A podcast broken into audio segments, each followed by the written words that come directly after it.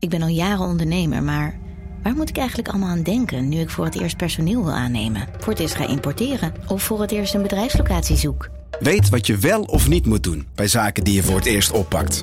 Check kvk.nl voor praktische stappenplannen. KVK, hou vast voor ondernemers. Hey podcastluisteraar.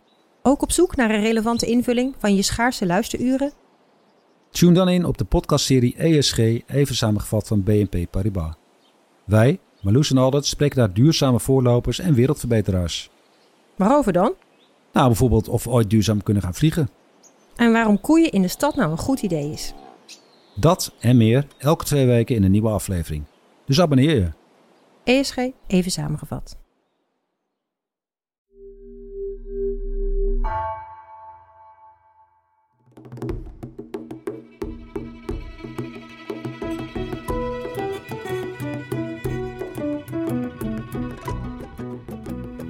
We waren met een groepje aan het bergwandelen in Oostenrijk van hut naar hut. Aan het eind van een warme zonnige dag liepen we over een bergkam toen we opeens onze haren letterlijk te bergen voelden reizen.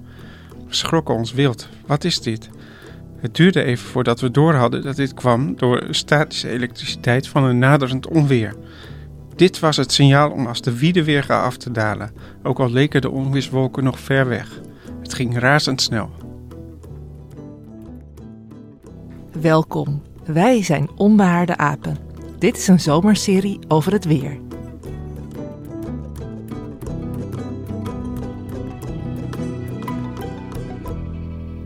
Sander Voormolen, welkom. Normaal schuif jij hier aan als medisch redacteur en nu leren we jou opeens ook kennen als bergwandelaar. Jazeker, ja. En- Een grote hobby voor mij. Je hebt het overleefd, zoveel is duidelijk. Je zit hier nog, maar toch klinkt het als een behoorlijk spannende situatie waar jij in terecht kwam. Hoe ging het verder? Ja, nou, we gingen dus als, eh, als een gek naar beneden. Eh, wel voorzichtig natuurlijk, maar eh, wel ook gehaast. We werden ingehaald door het onweer. En eh, drijfnat kwamen we aan in de hut. En daar stond de, de huttenweert stond ons wel op te wachten. Van, die had ons al lang gezien. En Die dacht weer die van, dacht van, nou, dit zijn weer van die onervaren bergklimmers... die, die eh, niet op tijd naar huis gaan als het onweer eraan komt. maar zo onervaren ben jij dus helemaal niet. Nee, nee, en dit kwam dus ook zomaar op klaarlichte dag.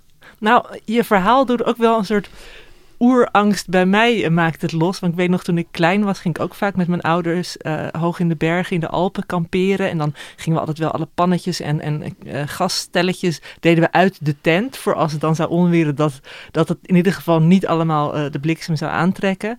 Maar ja, als baby sliep ik er geloof ik nog doorheen. Maar naarmate ik ouder werd, vond ik het vooral heel eng als het onweerde in Ja. de bergen. Want zo'n bergtop is ook een relatief gevaarlijke, gevaarlijke plek natuurlijk. Ja, vooral omdat je dus nergens kan schuilen. Eh, dus je, ja, de enige optie die je hebt is eh, zo snel mogelijk naar beneden gaan.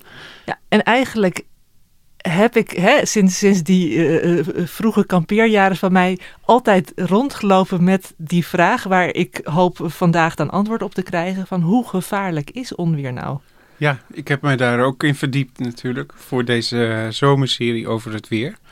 En eh, ja, eigenlijk eh, wa- wat mij opviel is dat het, eh, dat het eigenlijk ten eerste zelden voorkomt dat je door de bliksem geraakt wordt. En, en dan ook nog eens, als je geraakt wordt, dat dan eh 9 van de 10 mensen overleeft dat nog. Want je, je krijgt altijd zo'n beeld van als je door zo'n bliksemstraal wordt geraakt, dan ben je een hoopje verkoold as. Maar eh, dat is helemaal niet zo. Nee, dus eh, zelfs als het je overkomt, dan is de kans nog groot dat je het eh, kunt navertellen. Maar op zijn minst met een flinke schrik. En het lijkt me toch niet ook helemaal Nee. schadevrij voor je lichaam. Met serieuze verwondingen soms ook, ja. Nee. Ja. En als jij zegt van hè, het, het, het, het komt zelden voor. Ik zit te denken, ja, het, het onweert helemaal niet zo zelden. Als ik alleen al naar Nederland kijk. En zeker als ik aan de Alpen denk, dan, dan associeer ik de, de zomermaanden daar met een vrijwel dagelijkse onweersbui misschien. Ja, het hangt natuurlijk heel erg eh, af van welke plek. Eh, in de bergen eh, heb je stijgende warm, warme lucht aan het eind van de dag. En dan kan er makkelijk een onweersbui ontstaan. Maar ook in Nederland uh, onweert het natuurlijk regelmatig. En dan, uh, ja, dan hebben we hier per jaar zo'n 200.000 uh, ontladingen in de lucht. Maar dat zijn dus uh, niet altijd blikseminslagen, want dat zijn ook ontladingen tussen wolken onderling. En 200.000 ontladingen, dat, uh, het zijn ook niet 200.000 onweersbuien, maar uh, tijdens één bui kunnen er heel veel ontladingen plaatsvinden. Ja, ja, dat, dat zijn al die flitsjes die we ook op buienradar of zo, als je daar de, de onweersradar bekijkt, zie je overal ja. flitsen. Dat zijn allemaal die ontladingen. En ik hoor jou net al zeggen van, het, het heeft te maken met stijgende warme lucht. Ja. kun je nog in, in een paar zinnen schetsen wat er dan precies gebeurt? Nou ja, dus uh, uh, je hebt dan allemaal uh, dampdeeltjes die in de wolk omhoog stijgen met een enorme snelheid. En die zorgen ervoor dat er grote ladingsverschillen ontstaan in de wolk. Uh, en daardoor uh, gaat ook de wolk van lading verschillen met het aardoppervlak. En daardoor kun je dus ook inslagen naar de aarde krijgen. Ja, dus die, die, die wolk die wil als het ware zijn, zijn lading kwijt. En, en, en, en die ontlading, dat ervaren wij dan als bliksem, als onweer. Ja. Um, en jij zegt net, de kans dat je het overleeft is relatief groot. Uh, en de kans dat je wordt getroffen is relatief klein. Maar wat voor aantallen moet ik dan aan denken als we wereldwijd bijvoorbeeld kijken? Ja, dat zijn hele ruwe schattingen, want het wordt uh, uh, niet overal even goed bijgehouden natuurlijk. in, in bijvoorbeeld Afrika en India is, zijn er, naar men zegt, veel slachtoffers, maar de, de getallen daarvan kloppen niet altijd helemaal. Dus de schattingen lopen uiteen tot, van 6.000 tot 24.000 mensen per jaar die overlijden aan de bliksem. Maar in Nederland uh, uh, is het minder dan één persoon uh, per jaar, volgens het CBS. Dodelijk getroffen dan? Dodelijk getroffen, ja. ja, ja. En weet je wat het rare is? Hè? als ik denk aan door de bliksem wordt, worden getroffen, dan heb ik een soort cartooneske beeld in mijn hoofd. Van zo'n tekenfilmfiguur dat geraakt wordt door een flits en dat zo helemaal vachtharen krijgt die overeind komen te staan en flink door elkaar wordt geschud. Zeg maar, dat is mijn ja. basisidee. Dat gebeurt er als je door de bliksem wordt getroffen. Maar dat is natuurlijk een veel te versimpelde voorstelling. Wat gebeurt er nou echt als je als mens daadwerkelijk door een bliksemschicht wordt geraakt? Nou ja, de, de meeste stroom uh, gaat, uh, gaat over je lichaam heen. Dus uh, niet door je lichaam. Maar dat wil niet zeggen dat er dan geen schade is. Want er gaat wel degelijk een deel van de stroom door je lichaam. En ja, dat kan allerlei vervelende gevolgen hebben. Bijvoorbeeld als, uh, als de hersenstam een krijgt, dan, dan gaat de ademhaling uh, valt stil. Als je hart geraakt wordt, dan uh, valt het hart stil. Dus dat is nogal serieus als dat gebeurt. Ja, dus het, het, het, meeste gaat langs de buitenkant van je lichaam. Gaan je haren ook daadwerkelijk recht overeind staan als nou, dat voelde ik dus wel ja. boven ja. op die berg. Maar ja, uh, ja dat, uh, dat gebeurt natuurlijk ook. Maar dat is zo'n uh, klein effect in, in al het geweld wat er bij zo'n bliksemflits komt kijken. Want er gaat, het gaat echt om een gigantische stroomsterkte van soms wel 10.000, 50.000 ampère. Dat is echt heel veel. En, en dan ook nog een heel hoog voltage, tot wel een miljard volt. Nou, gelukkig is dat maar echt uh, enkele milliseconden aanwezig. Ja, als je dat vergelijkt met uh, bijvoorbeeld uh, de stroom die uit een, uit een stopcontact komt, is maar 220 volt. Dat is echt peanuts. En toch worden we daar ook al voor gewaarschuwd. precies, dus... ja. ja. En dan de bovenleiding van de trein is 10.000 volt. Ja, dus het, het, het, ja, en daar wil je ook niet mee in aanraking komen. Maar dan het, het voordeel, om het maar zo te zeggen, van een bliksem is dus dat het zo ontzettend kort duurt. Ja. Dat je zegt milliseconden, je hebt het nauwelijks door dat je erdoor bent getroffen of het is alweer voorbij. Ja, precies. En dat is ook de, de reden en het geluk dat je dus uh, een hoge overlevingskans hebt dat gedeelte, hè, je zegt net van het meeste gaat langs, langs je buitenkant van je lijf. Dat gedeelte dat door je lijf heen gaat, gaat dat altijd netjes dan van kruin tot aan je tenen er doorheen? Of? Ja, dat is, in je lichaam heb je natuurlijk allerlei verschillende weefsels die, uh, die ook de stroom uh, slechter en beter geleiden. Dus het zenuwstelsel is uiteraard gemaakt voor het geleiden van elektrische pulsen. Dus dat doet het goed. En je bloed ook. Uh, maar de rest wat minder. Maar dat, uh, dat geeft dus allemaal complexe schade in je lichaam eigenlijk. Dus als je slecht geleidend bent als weefsel, ondervind je daar meer schade van? Of, uh, nee, nee, of juist nee. niet? Nee, dan gaat er minder stroom doorheen. Oh ja, dus dan Ja. kom je er nog een beetje veilig vanaf. Dat, Heel af en toe dan eh, slaat de stroom ook naar binnen in je lichaam. En dan eh, zoekt het meestal een weg door eh, een gat in je hoofd. Dus eh, of je oogkas, of je, je oor, of je mond. En eh, eh, daar eh, komt dan een flinke stroom langs. Waardoor je ook vaak een, een brandwond krijgt op die plek. dus dat is echt die interne bliksem, zeg maar, die mensen in hun lichaam kunnen hebben. Die komen daadwerkelijk via een lichaamsopening naar binnen. Ja. Dan denk ik meteen van, ik ga voortaan altijd mijn mond dicht houden als het bliksemt. Dan heb ik in ieder geval één opening minder. Maar ja. Nee, maar de, eh, de meeste stroom gaat dus zoals gezegd over je lichaam heen. En vaak volgt dat dan eh, eh, het, het pad van natte plekken. Dus bijvoorbeeld als je in de regen hebt gelopen, dat er een straaltje over je rug loopt, dan gaat het daar langs. Ja, of als je een bezweten rug hebt van zo'n hele Ja. hete, broeierige dag. Dat, eh, Ja, precies. Ja. En het, het gebeurt dus ook dat, eh, dat bijvoorbeeld eh, door de hitte die daardoor ontstaat, dat dan je kleding gewoon van je lijf wordt gescheurd. Doordat het eh, zoveel stroom door dat straaltje Zo. zweet loopt. En dan krijgen mensen ook echt wel brandwonden, neem ik aan. Als je het al overleeft, dan, dan, dan draag je wel de littekens ervan. Ja, bij soms, soms zie je dat inderdaad in een lijn of eh, ja, dat, dat eh, kan gebeuren. Als ik het zo hoor, dan is het echt heel uiteenlopend van hoe je door de bliksem kan worden getroffen. Hè? Van of het gaat vooral buitenlangs over je huid, of juist via een opening door je lichaam. Of je houdt er wel brandwonden aan over, of helemaal niet. Ja, klopt, ja. Ja, en zelfs eh, als mensen dus eh, getroffen zijn zonder dat er iemand bij was, dan, eh, dan is het achteraf vaak heel moeilijk te zien of, of iemand door de bliksem is getroffen. Als diegene overleden is, bedoel ja, je? er werd bijvoorbeeld in Italië een, een man in het bos gevonden met een rond gat in zijn, in zijn slaap.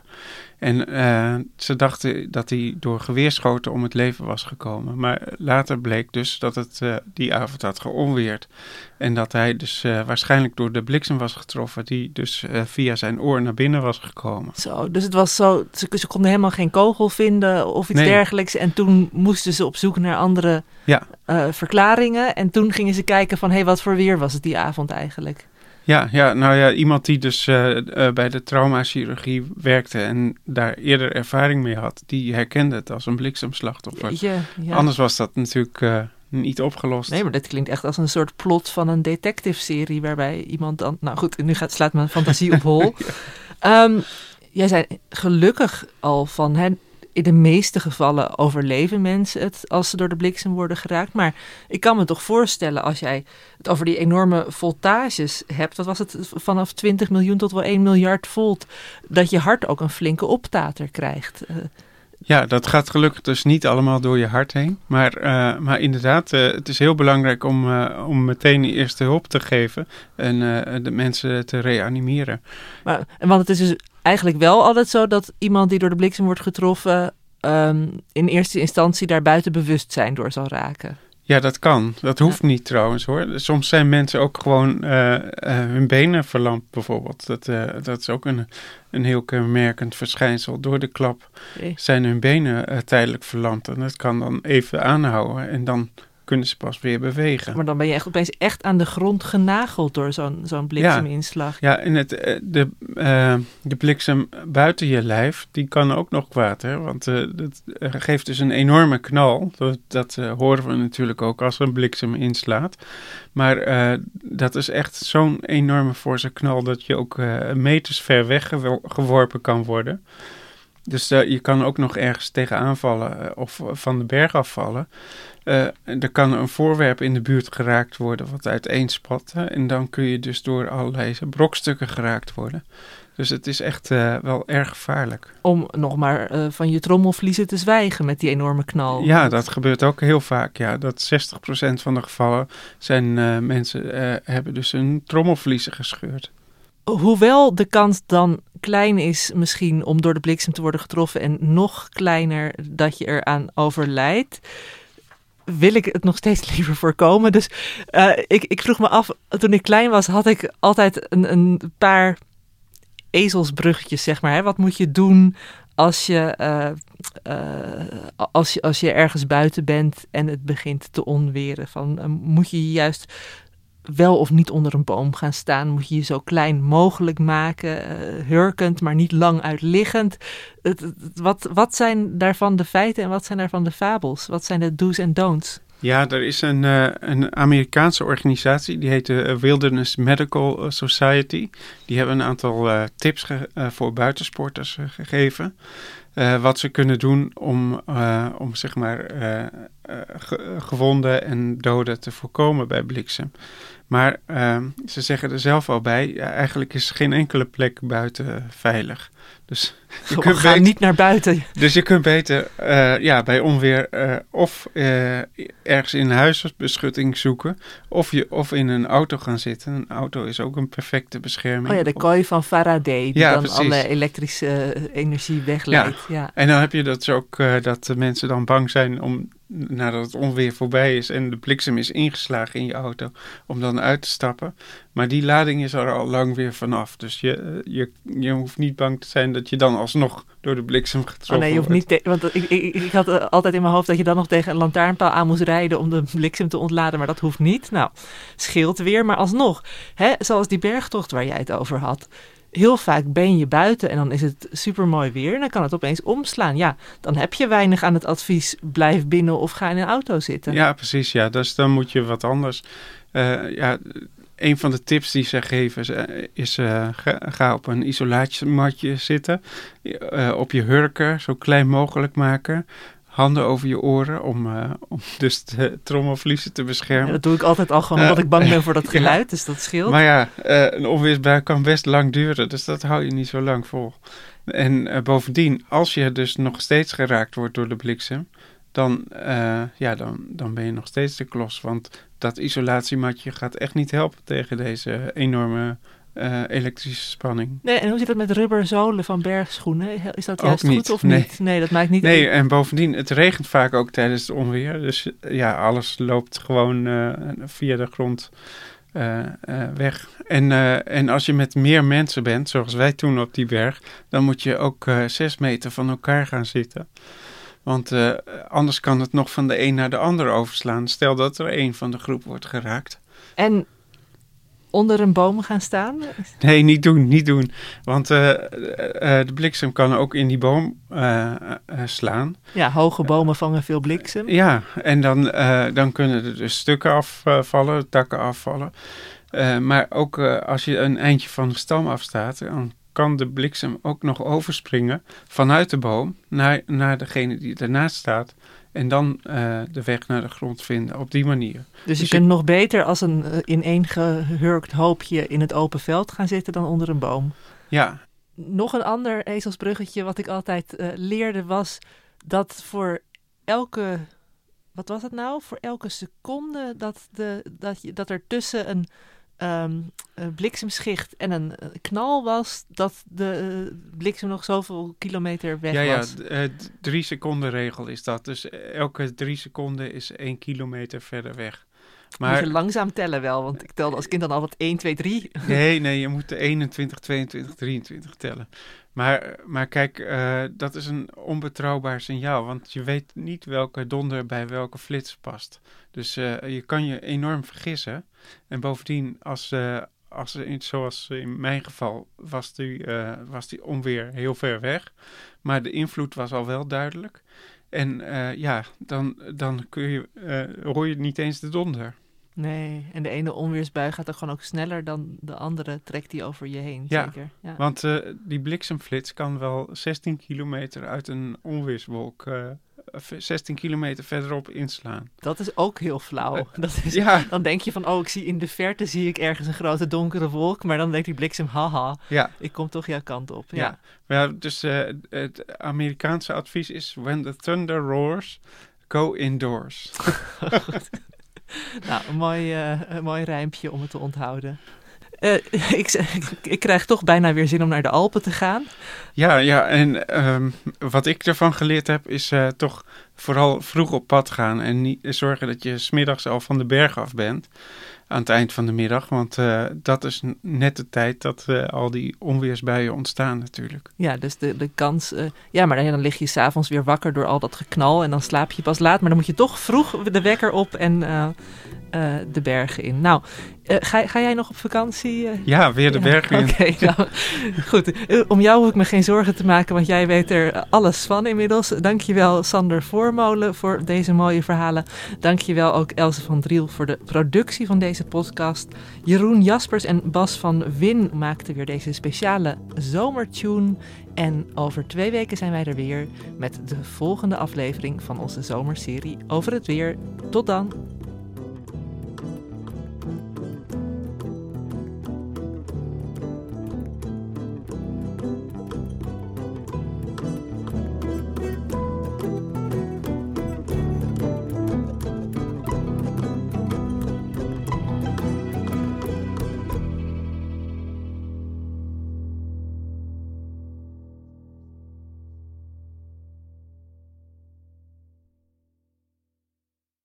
Technologie lijkt tegenwoordig het antwoord op iedere uitdaging. Bij PwC zien we dit anders. Als we de potentie van technologie willen benutten, kunnen we niet zonder een menselijk perspectief. Human-led, tech-powered noemen we dat. Ga naar pwc.nl.